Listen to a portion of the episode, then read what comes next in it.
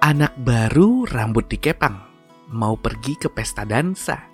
Episode ini cerita tentang kunjungan di Kupang, punya nilai hidup yang luar biasa.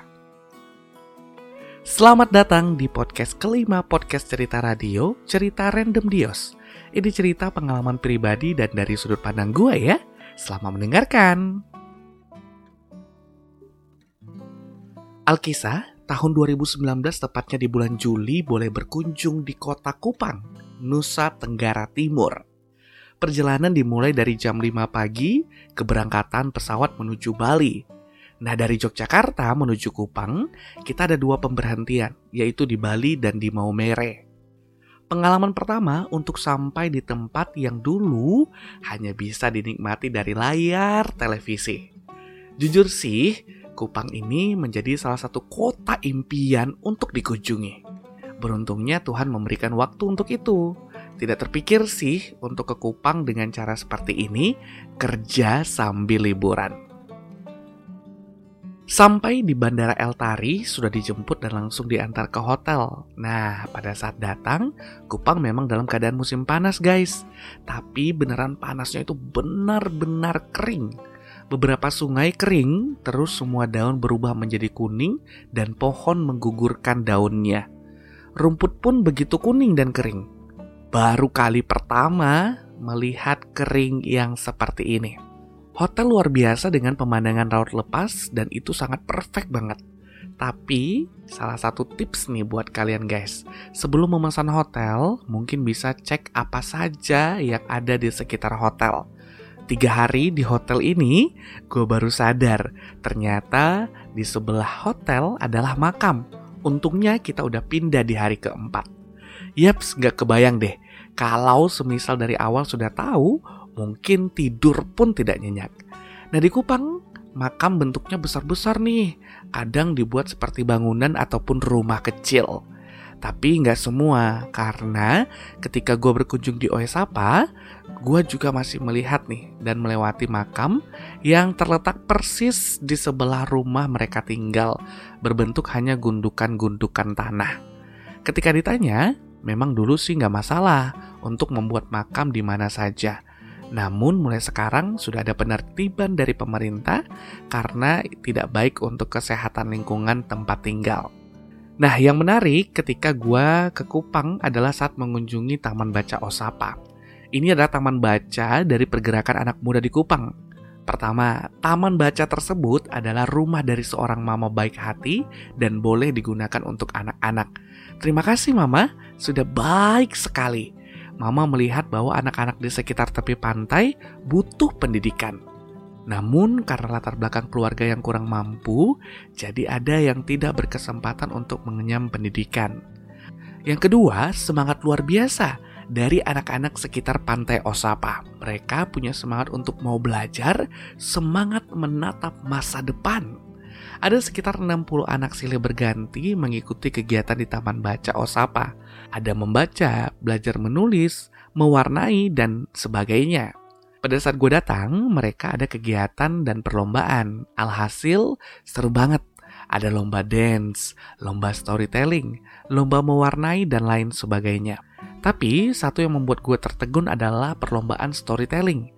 Pesertanya anak-anak dari umur 5 tahun sampai dengan tingkat sekolah dasar. Disediakan buku untuk dibaca secara ekspresif.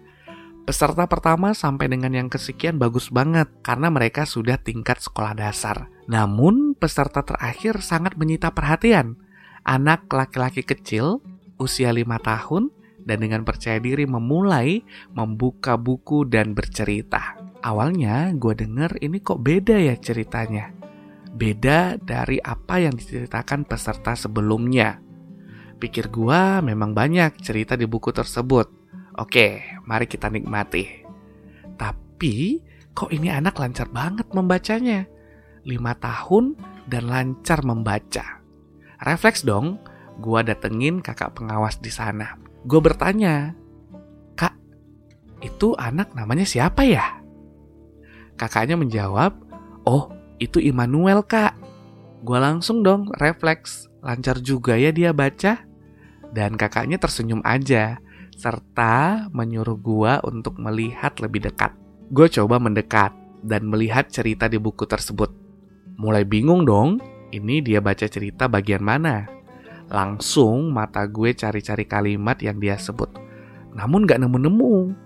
Kemudian kakaknya berbisik ke gue dan bilang, Kak Dios, dia itu membaca gambar, bukan baca tulisan. Seketika pikiran gue mengatakan cerdas sekali ini Manuel.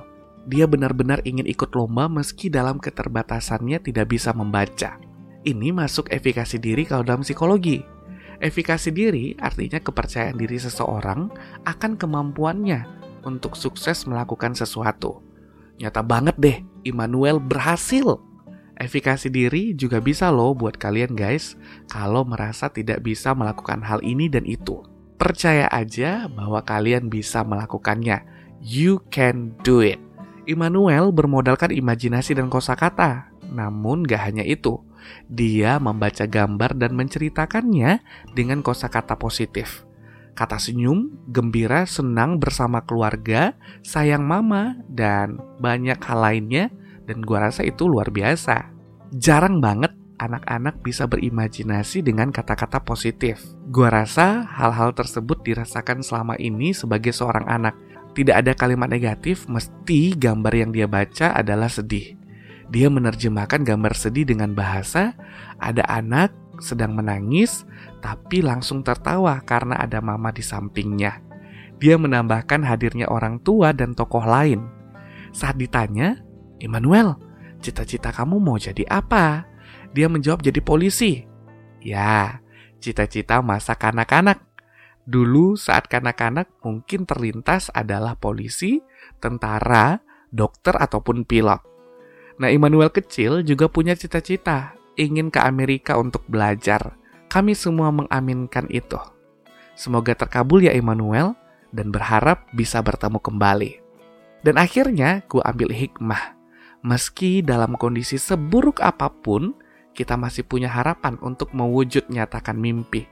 Belajar dari Immanuel, menembus keterbatasan dengan cara sendiri. Terima kasih Immanuel sudah buat kami belajar akan ilmu kehidupan. Makan ikan kuah kuning dengan papeda, hati-hati ikannya banyak duri. Kesuksesan orang caranya berbeda-beda, jadi ukir kesuksesan dengan caramu sendiri. Jika ada saran dan masukan untuk podcast cerita radio, sangat ditunggu ya untuk perbaikan podcast ke arah yang lebih baik. Dan gue ingetin lagi guys, jadilah orang baik. Karena orang pintar, orang kaya, dan orang tenar semakin banyak. Tetapi orang baik tergerus zaman. Thank you dan sampai jumpa di podcast selanjutnya.